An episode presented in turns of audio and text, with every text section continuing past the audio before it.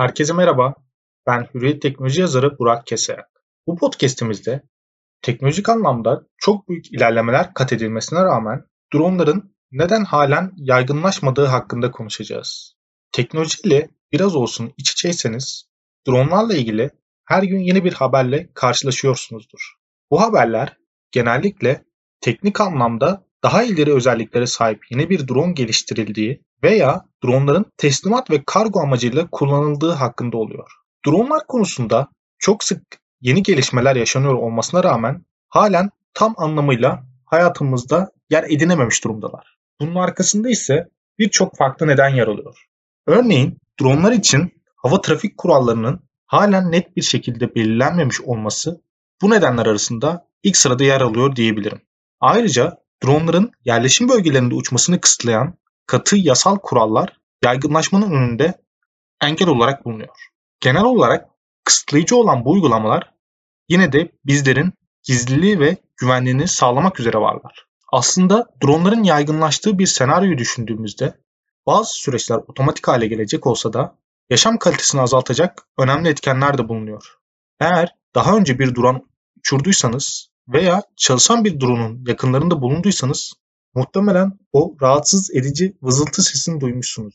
Yapılan bilimsel çalışmalar dronların vızıltı seslerinin karayolu taşıtlarının çıkardığı seslerden daha rahatsız edici olduğunu gösteriyor. Her ne kadar 20 kilograma kadar olan küçük ölçekli dronlar geleneksel hava araçlarından 40 desibel sessiz olsalar da çıkardıkları ses bir hayli rahatsız edici oluyor.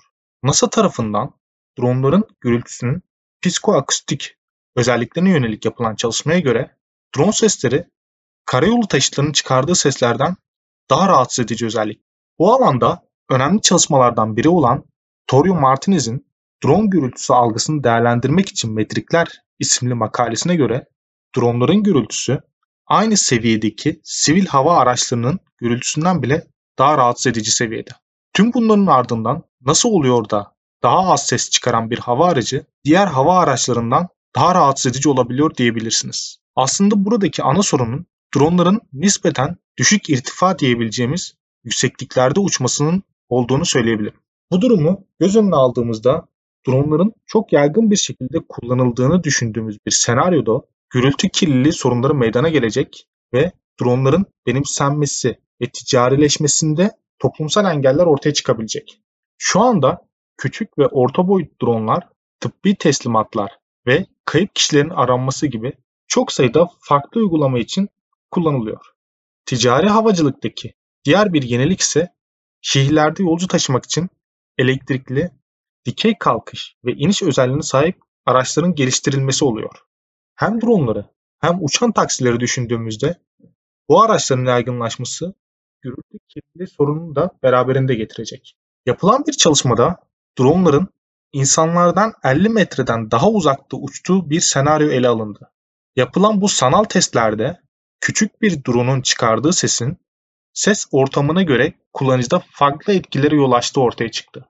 Örneğin karayolu trafiğinden kaynaklanan gürültüye maruz kalan bir kişi için drone gürültüsü daha az fark edilebilir oldu. Ancak nispeten trafiğin az yoğunlukta olduğu sakin ortamdaki biri için drone gürültüsü çok rahatsız edici olabildi.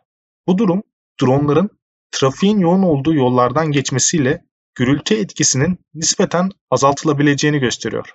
Dronların yaygınlaşmasıyla ortaya çıkacak olası bir gürültü rahatsızlığının önüne geçmek için halkın tepkilerini gözlemleyerek birlikte değerlendirmeler yapmak gerekiyor.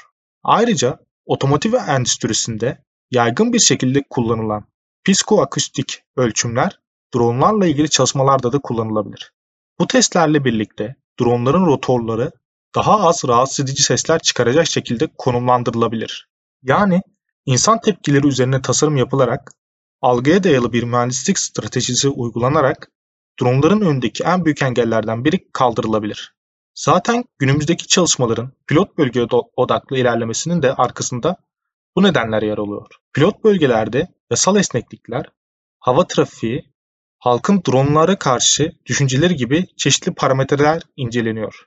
Bu haftaki podcast'imizde dronların yaşam kalitesine etkileri üzerine konuştuk. Sonraki podcast'lerimizde görüşmek üzere, sağlıklı günler diliyorum.